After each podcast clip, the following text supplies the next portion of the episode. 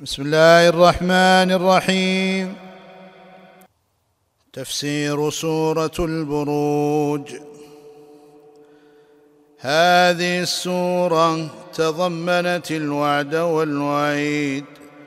وعد المؤمنين ووعيد الكفار الظالمين والاغلب فيها جانب التهديد بذكر الدلائل على قدرته تعالى وشده بطشه سبحانه بذكر سنته في المكذبين هل اتاك حديث الجنود الايات وذكر ما ينتظر الكفره الظالمين الصادين للمؤمنين عن الايمان بالله وشرعه من عذاب جهنم وعذاب الحريق من عذاب جهنم وعذاب الحريق والسوره اثنتان وعشرون ايه الثلاث الاولى تضمنت القسم من الله باربعه امور والسماء ذات البروج واليوم الموعود وشاهد ومشهود التفسير قال تعالى والسماء ذات البروج الواو للقسم أي أقسم بالسماء صاحبة البروج أي النجوم جمع برج وهو في الأصل القصر العالي ووصف السماء بذات البروج تفخيم لها وجاء عن ابن عباس رضي الله عنهما ورجحه ابن جرير أن البروج قص أن البروج قصور في السماء والمراد بها منازل الشمس والقمر أي طرقها التي تمر بها وكل واحد منها مجموعة وكل واحد منها مجموعة نجوم سميت باسم يناسب الشكل الذي هي عليه شبهت بالقصور لعلوها ولنزول الكواكب بها كما ان القصور ينزلها الاكابر والاشراف وقد تمدح الله بخلقه للبروج فقال سبحانه تبارك الذي جعل في السماء بروجا وجعل فيها سراجا وقمرا منيرا والبروج عند الفلكين اثنا عشر وهي الحمل والثور والجوزاء والسرطان والاسد والسنبله والميزان والعقرب والقوس والجدي والدلو والحوت جمع الناظم في قوله حمل الثور جوزة السرطان حمل الثور جوزة السرطان ورعى الليث سنبل الميزان ورمى عقرب بقوس لجد نزح الدلو بركة الحيتان نزح الدلو بر بركة الحيتان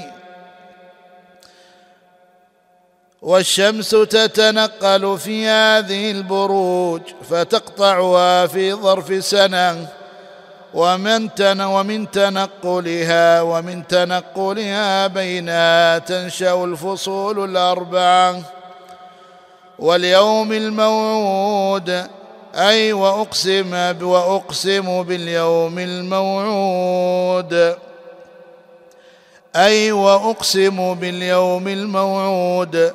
وهو يوم القيامة باتفاق المفسرين قال تعالى ذلك اليوم الذي كانوا يوعدون وقوله وشاهد ومشهود اي واقسم بكل شاهد وكل مشهود على ما يفيد التنكير فيهما والاطلاق من التعميم وعلى ما جاءت به الاخبار فيدخل في ذلك الشهود من الملائكه والانبياء الذين يشهدون على اممهم والجوارح واعظم شاهد هو الله الشهيد على كل شيء كما ذكر في هذه السوره والله على كل شيء شهيد ويدخل في ذلك المشهود عليهم من العباد كما يدخل في ذلك كل يوم مشهود كيوم الجمعه ويوم عرفه ويوم القيامه كيوم الجمعه ويوم عرفه ويوم القيامه قال تعالى ذلك يوم مجموع له الناس وذلك يوم مشهود واختلف في جواب القسم فقيل محذوف تقديره لتبعثن والصحيح ان هذا القسم لا يحتاج الى جواب لان المقسم به هو نفسه المقسم عليه اي ان هذه الاشياء لعظيمه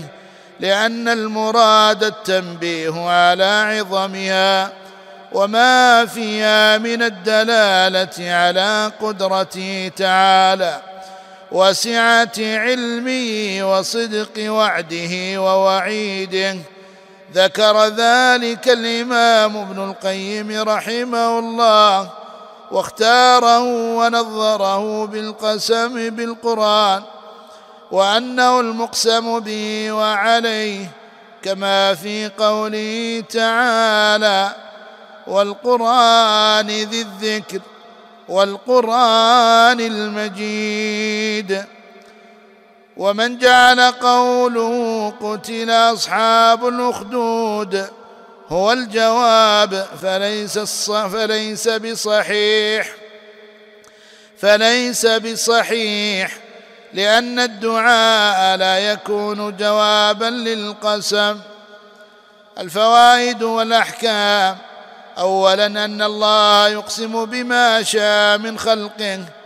ثانيا ان من كلام الله الاقسام ثالثا ان السماء وما فيها من البروج وهي النجوم او منازل او منازل الشمس والقمر من اعظم الايات الداله على قدره الله عز وجل وحكمته وهذا هو سر القسم القسم بها رابعا التنبيه إلى أن يوم إلى أن اليوم الموعود حق التنبيه إلى أن اليوم الموعود حق وأنه آت لا محالة وذلك للقسم به وهذا نظير قوله تعالى فلا اقسم بيوم القيامه وهذا نظير قوله تعالى لا اقسم بيوم القيامه خامسا اقسامه تعالى بكل شاهد ومشهود سادسا الترهيب من ذلك اليوم الموعود المشهود وبعد هذه الاقسام في الايات الثلاث الاولى ذكر الله قصه لم تذكر الا في هذه السوره قصه اصحاب الاخدود الكفره الظالمين وقد أجمل الله الخبر عنهم بذكر ما فعلوه في المؤمنين لصدهم عن دينهم من إيقاد النيران والزج بكل من لم يجبهم ويرجع عن دينه وقد جاءت القصة مفصلة في السنة في الحديث الذي رواه مسلم في خبر الملك العل والغلام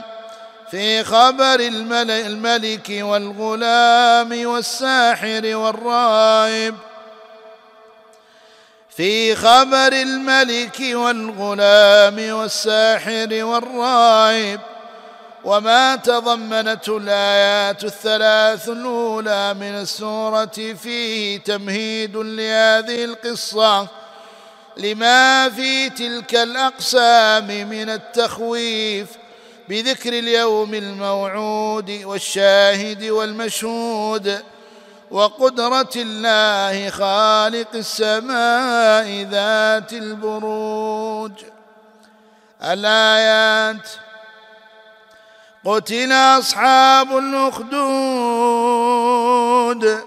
النار ذات الوقود إذ هم عليها قود وهم على ما يفعلون بالمؤمنين شهود وما نقموا منهم إلا أن يؤمنوا بالله العزيز الحميد الذي له ملك السماوات والارض والله على كل شيء شهيد التفسير قوله تعالى قتل اصحاب الاخدود اي لعنوا وهذا خبر من الله بانهم لعنوا واللعن هو الطرد والإبعاد عن رحمة الله واللعن من الناس دعاء عليهم بذلك الأخدود الشق في الأرض يكون مستطيلا وجمعه أخاديد النار ذات الوقود بدل اشتمال من الأخدود أي إن أصحاب الأخدود هم أصحاب النار ذات الوقود والوقود بفتح الواو ما توقد به النار من حطب وغيره والمعنى أنها نار عظيمة ذات لا ذات لهب إذ هم عليها قود جمع قاعد مثل شاهد وشهود إذ ظرف ظرف متعلق بقتل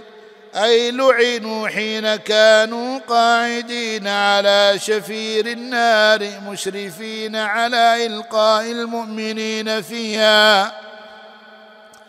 وقد كانوا يخيرون الناس فمن أجابهم إلى الكفر خلوا سبيله ومن أصر على الإيمان قذفوا فيها على أي الكفار الظالمون أي الكفار الظالمون على ما يفعلون بالمؤمنين أي على ما يفعله جنود من إحراق المؤمنين شهود أي حاضرون فلا تلين قلوبهم ولا تأخذهم بهم رأفة فهم قسى فهم قساة قلوب غلاظ أكباد وما نقموا منهم إلا أن يؤمنوا بالله العزيز الحميد أي ما كرهوا منهم ولا أنكروا عليهم سوى الإيمان بالله وهذا من تأكيد المدح بما يشبه الذم فهو كقوله تعالى الذين أخرجوا من ديارهم بغير حق إلا أن يقولوا ربنا الله وكقول القائل ولا عيب فيهم غير ان سيوفهم بهن فلول من قراع الكتائب وقوله تعالى يؤمنوا بلفظ المستقبل مع ان الايمان وجد منهم في الماضي لأن انتقامهم على استمرار المؤمنين على الإيمان لأن انتقامهم على استمرار المؤمنين على الإيمان وثباتهم عليه لا على الإيمان بال... على... لا على الإيمان الماضي فكأنه قيل إلا أن يدوموا على الإيمان وقوله العزيز أي القوي الذي لا يغالب الحميد أي المحمود على أفعاله وأقواله وأوصافه والمحمود على كل حال وقدم العزيز على الحميد لأن المقام مقام مقام إنذار لأن المقام مقام إنذار ثم ذكر من معاني عزته وحمده فقال الذي له ملك السماوات والارض اي خلقا وملكا وحكما اي خلقا وملكا وحكما وله عز وجل القدرة التامة على السماوات والأرض ولا مفر لأحد من سلطانه وملكوته ولذلك آمن به هؤلاء المؤمنون وهانت عليهم أرواحهم في سبيله لما ينتظرونه عنده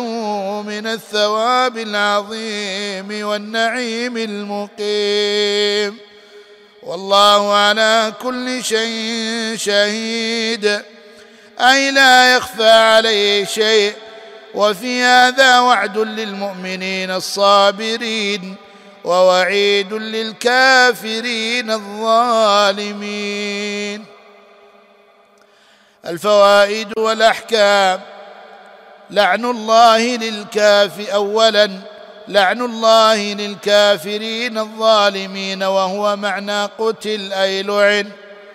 ثانيا ان اصحاب الاخدود ملعونون من الله ومن خلقه من الملائكه والناس اجمعين لان بناء الفعل للمفعول يفيد العموم كقوله اولئك يلعنهم الله ويلعنهم اللاعنون ثالثا ان من كمال البيان تشخيص الجريمه حتى كان السامع يراها رؤيه عين حفر ونار تتوقد حفر ونار تتوقد والمجرمون حولا يتمتعون بتعذيب المؤمنين رابعا ان النار اعظم ما يعذب به ولذا حرم في الاسلام التعذيب بالنار فلا يعذب بالنار الا ربها خامسا شدة حنق هؤلاء الكفار وعداوتهم للإيمان والمؤمنين سادسا اغترارهم بقوتهم وبإمهال الله لهم سابعا إعجابهم بقبيح فعلهم وتمتعهم بمشاهدة إجرامهم ثامنا قسوة قلوب أولئك الظالمين تاسعا أنه ليس للمؤمنين عندهم ذنب إلا إيمانهم بالله العزيز الحميد عاشرا قوة المؤمنين وثباتهم وصبرهم على دينهم الحادي عشر أن الشرائع السابقة ليس فيها رخصة للمكره على التكلم بالكفر الثاني عشر ان من اساليب القران تاكيد المدح بما يشبه الذم الثالث عشر ان من اسماء الله العزيز الحميد الرابع عشر ان ملك السماوات والارض لله وحده الخامس عشر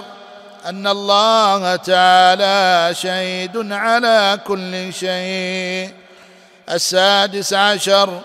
أن إماله تعالى لأصحاب الأخدود ليس عن ضعف ولا عجز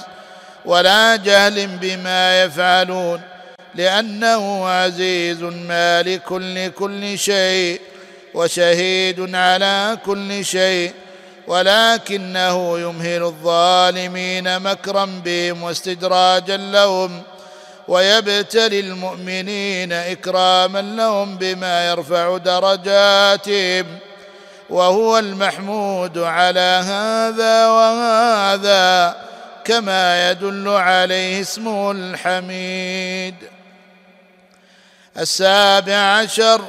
تثبيت المؤمنين المعذبين بمكه الثامن عشر تهديد الكفار من قريش الذين يعذبون ضعفة المؤمنين كعمار وبلال وياسر وسميه ولعل السورة نزلت بسبب ما جرى من المشركين من تعذيب المؤمنين الآيات ان الذين فتنوا المؤمنين والمؤمنات ثم لم يتوبوا فلهم عذاب جهنم ولهم عذاب الحريق ان الذين امنوا وعملوا الصالحات لهم جنات تجري من تحتها الانهار ذلك الفوز الكبير هاتان الايتان تضمنتا وعيد اصحاب الاخدود الذين فتنوا المؤمنين اي عذبوهم ليرجعوا عن دينهم توعدهم الله بعذاب جهنم وعذاب الحريق الا من تاب منهم كما تضمنتا وعد المؤمنين الذين ثبتوا على ايمانهم وصبر وصبروا وصبروا وعملوا الصالحات بجنات تجري من تحتها الانهار وذلك الفوز الكبير فالسعاده والفلاح للمؤمنين والشقاء والخسار للمجرمين التفسير قوله ان الذين فتنوا المؤمنين والمؤمنات اي عذبوهم بالاحراق وبسائر صنوف الاذال يردوهم عن دينهم ويشمل هذا اصحاب الاخدود اصحاب الاخدود وغيرهم من مشركي قريش ومن بعدهم وذكر المؤمن وذكر المؤمنات وذكر المؤمنات للتنويه بشأن ثم لم يتوبوا أي أي أي ثم لم يتوبوا أي عن كفرهم وعما فعلوا بأولياء الله فلهم عذاب جهنم أي النار في الآخرة ولهم عذاب الحريق اي العذاب الشديد الاحراق وهو من اضافه الموصوف الى الصفه وعطف عذاب الحريق على عذاب جهنم من عطف التفسير والتفخيم وفيه الاشاره الى ان الجزاء من جنس العمل ومجيء الفاء في خبر إن فإنهم ومجيء الفاء في خبر إن فلهم لأن اسمها موصول وهو يشبه اسم الشرط في العموم وذلك مما يرجح أنه ليس المراد خصوص أصحاب الأخدود ولما ذكر وعيد الكافرين اتبعه بذكر ما اعد للمؤمنين فقال سبحانه ان الذين امنوا وعملوا الصالحات اي جمعوا بين الايمان والعمل الصالح المصدق لايمانهم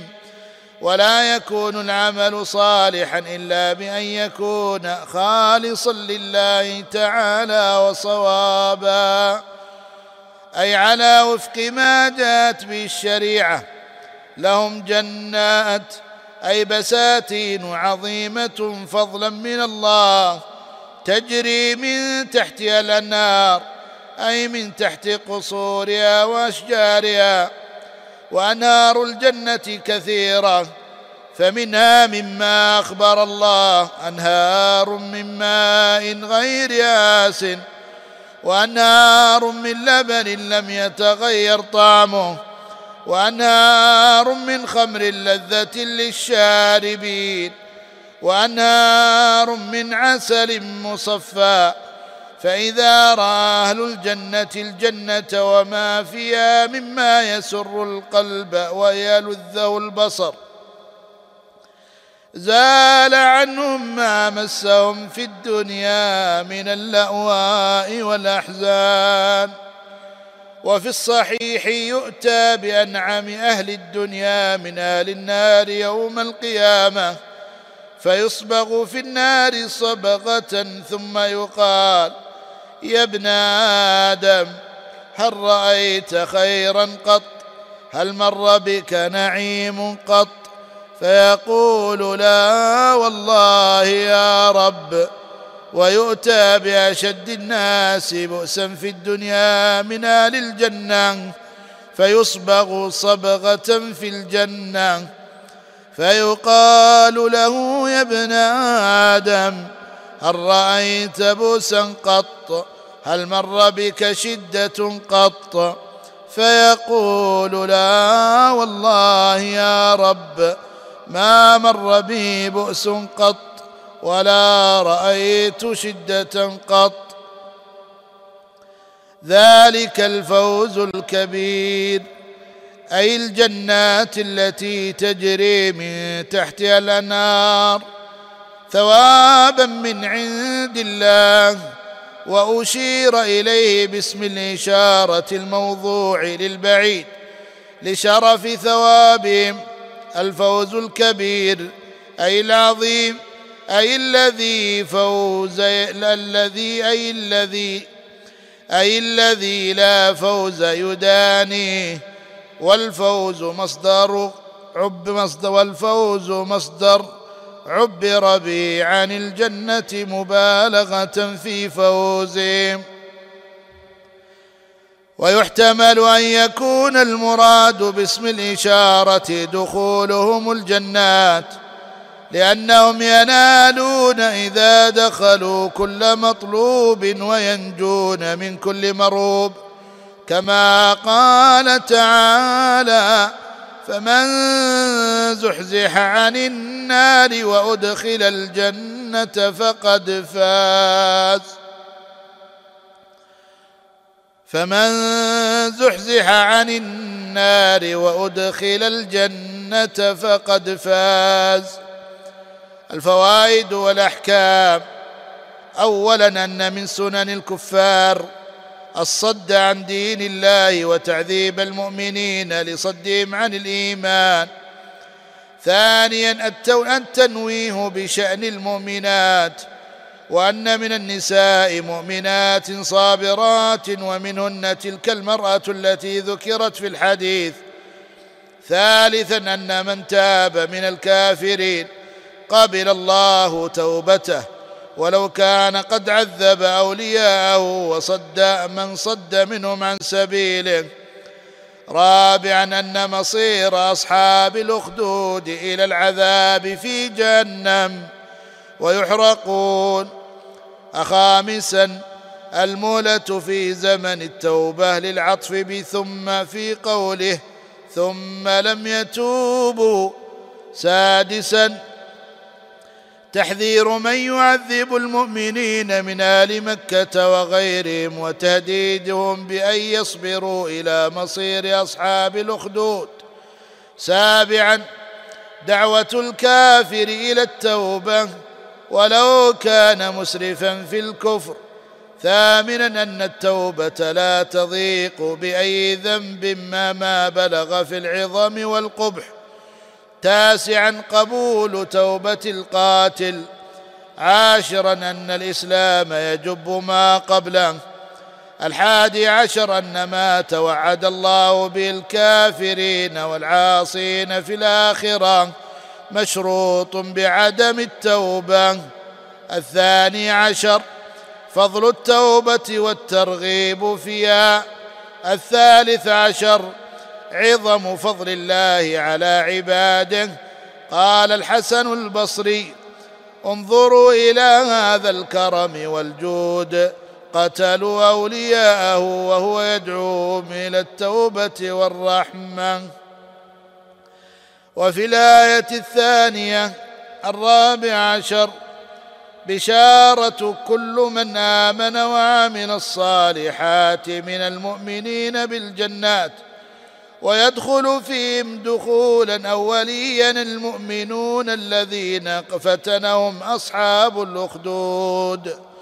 الذين فتنهم اصحاب الاخدود خامسا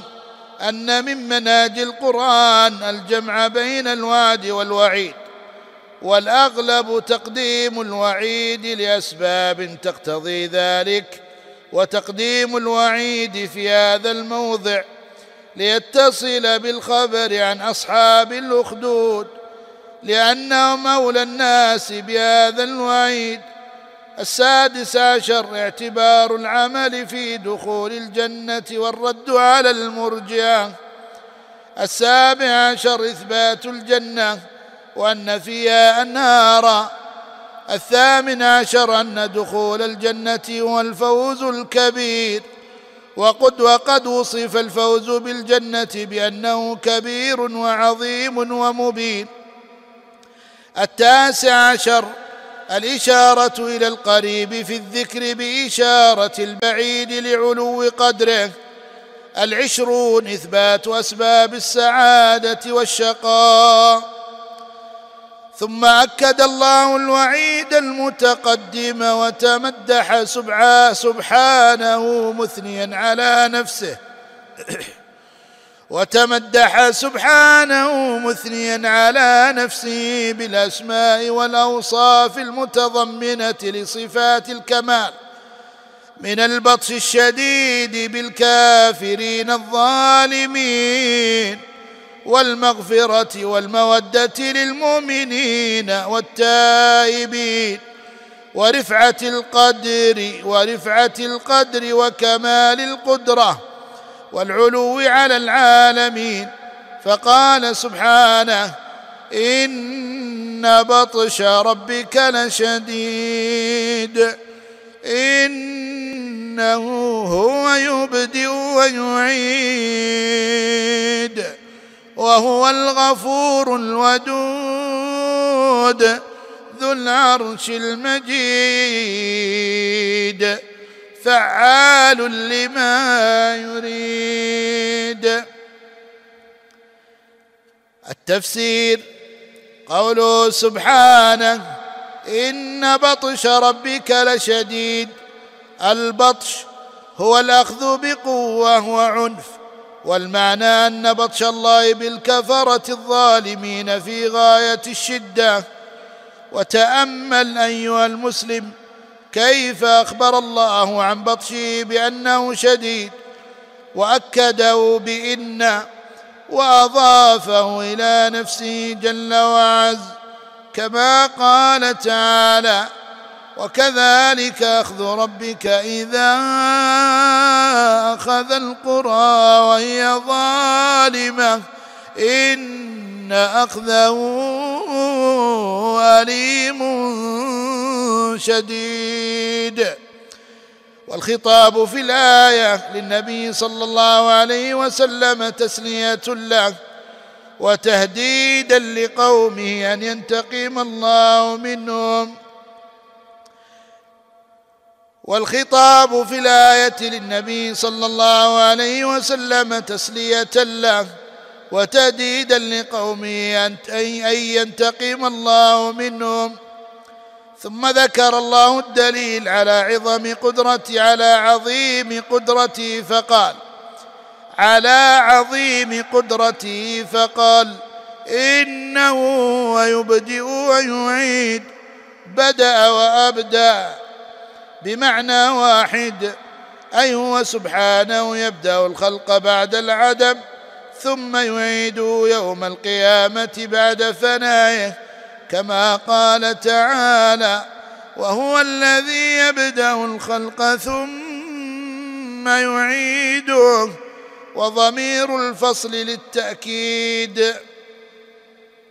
وعن ابن عباس ان المعنى يبدئ البطش في الدنيا ويعيد في الآخرة ورجحه ابن جرير وهو الغفور أي كثير المغفرة لذنوب عباده فيسترها ويتجاوز عنها الودود أي عظيم المحبة لأوليائه فيحبهم ويحبونه فالودود هو المحب المحبوب بمعنى واد ومودود والود خالص المحبه ذو العرش المجيد اي صاحب العرش الذي هو سقف المخلوقات واعظمها واوسعها واحسنها ولذا خصه بالذكر واضافه اليه سبحانه وهو فوق السماوات كالقبه وعليه استوى الرب جل جلاله استواء يليق بجلاله وعظمته وسلطانه المجيد بالرفع صفة للرب أي الذي له المجد العظيم والمجد هو عظمة الصفات وسعتها وقرأ حمزة والكسائي وخلف بالجر فيكون صفه للعرش اي العظيم العالي فعال لما يريد اي لا يمتنع عليه شيء اراده سبحانه فلا معقب لحكمه ولا راد لقضائه وفعال صيغه مبالغه لأن ما يريد تعالى وما يفعله لا نهاية له وختم الصفات بفعال يفيد العموم بعد الخصوص وأنه تعالى لا يعجزه شيء فمن أراد فعله ومن ومن ذلك بطشه بالكافرين ونصر المؤمنين الفوائد والأحكام اولا شده شده بطش الله والبطش هو الاخذ للنكال ثانيا تهديد الكافرين ثالثا تسليه المؤمنين وبشارتهم رابعا اثبات الربوبيه الخاصه خامسا انه تعالى المبدئ, المبدئ المعيد خامسا انه تعالى المبدئ المعيد سادسا الإشارة إلى إثبات البعث والرد على منكريه سابعا أنه الغفور الودود ثامنا إثبات ما تضمنته هذه الأسماء من الصفات تاسعا علو الله على خلقه واستواؤه على عرشه عاشرا اثبات العرش الذي هو اعلى المخلوقات وعليه استوى الرب كيف شاء الحادي عشر سعة العرش ورفعته وحسنه على قراءة الجر في المجيد الثاني عشر إثبات اسمه المجيد على قراءة الرفع الثالث عشر إثبات صفة الفعل وصفة الإرادة الكونية الرابع عشر كمال قدرته سبحانه على ما يريد فعله الخامس عشر انه تعالى لا يعجزه شيء السادس عشر الرد على الفلاسفه في قولهم انه موجب بالذات فلا فعل ولا اراده ثم ذكر الله بما فعله بالطغاه الكافرين من الهلاك والتدمير بالغرق او الصيحه كفرعون وثمود وما يهدد الكافرين من باس الله بسبب التكذيب بالقران وهو الحق المحفوظ في ام الكتاب اللوح المحفوظ فقال سبحانه هل اتاك حديث الجنود فرعون وثمود بل الذين كفروا في تكذيب والله من ورائهم محيط بل هو قران مجيد في لوح محفوظ التفسير هل اتاك حديث الجنود هذا دليل لشده بطشه تعالى وفيه تاكيد لتهديد الكافرين وتسليه المؤمنين وقوله هل اتاك حديث الجنود الخطاب للنبي صلى الله عليه وسلم وهو لامتي ايضا والاستفهام للتقرير والتشويق والمعنى اليس قد بلغك حديث فرعون وثمود اي خبرهما وقصتهما انهما قصتان عظيمتان لامتين كافرتين اهلكهما الله شر اهلاك فصار خبرهما حديثا يتلى الجنود وهم العسكر جمع جند وفي اشاره الى انهم ذو باس وانهم في كامل قوتهم واستعدادهم ومع ذلك فلم تنفعهم قوتهم امام باس الله وعذابه فرعون وثمود بدل من الجنود اي هم فرعون وثمود وانما خصهم بالذكر والله اعلم لتشابههم في الطغيان والقرب ولقرب بلاد ثمود من الحجاز وللمشابهة بين موسى عليه السلام المرسل إلى فرعون ومحمد صلى الله عليه وسلم رسول الله إلى قريش أولا وقد كانت قصة فرعون مشهورة عند العرب فذكر الله مثالين على الهلاك على الهلاك من المتاخرين فرعون فذكر الله مثالان على الهلاك على الهلاك فذكر الله مثالين على الهلاك من المتأخرين فرعون ومن المتقدمين ثمود فهذه سنة الله في من كذب وعصى وفيها التحذير لكفار مكة ولكنهم تمادوا في الكفر والطغيان ولم يعتبروا بهذه العبر ولهذا قال بل الذين كفروا في تكذيب بل اضراب للانتقال الى تقرير تكذيبهم وعدم اعتبارهم بمن خلا فهم منغمسون في تكذيب عظيم لما تفيد في من معنى الظرفيه لما تفيد في من معنى الظرفيه وهذا أدل على إظهار كذبهم مما لو قيل يكذبون والله من ورائهم محيط أي مقتدر عليهم محيط بهم من كل من كل جهة فلا يفوتونه ولا يعجزونه تعالى فلو شاء لانتقم منهم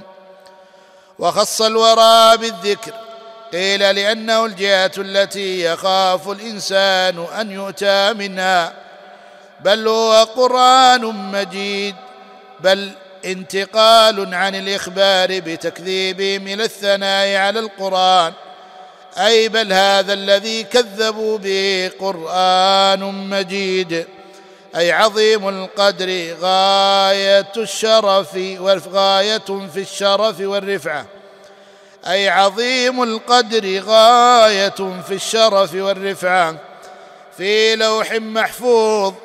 اي لوح مصون عن التغيير والتحريف على قراءه الاكثر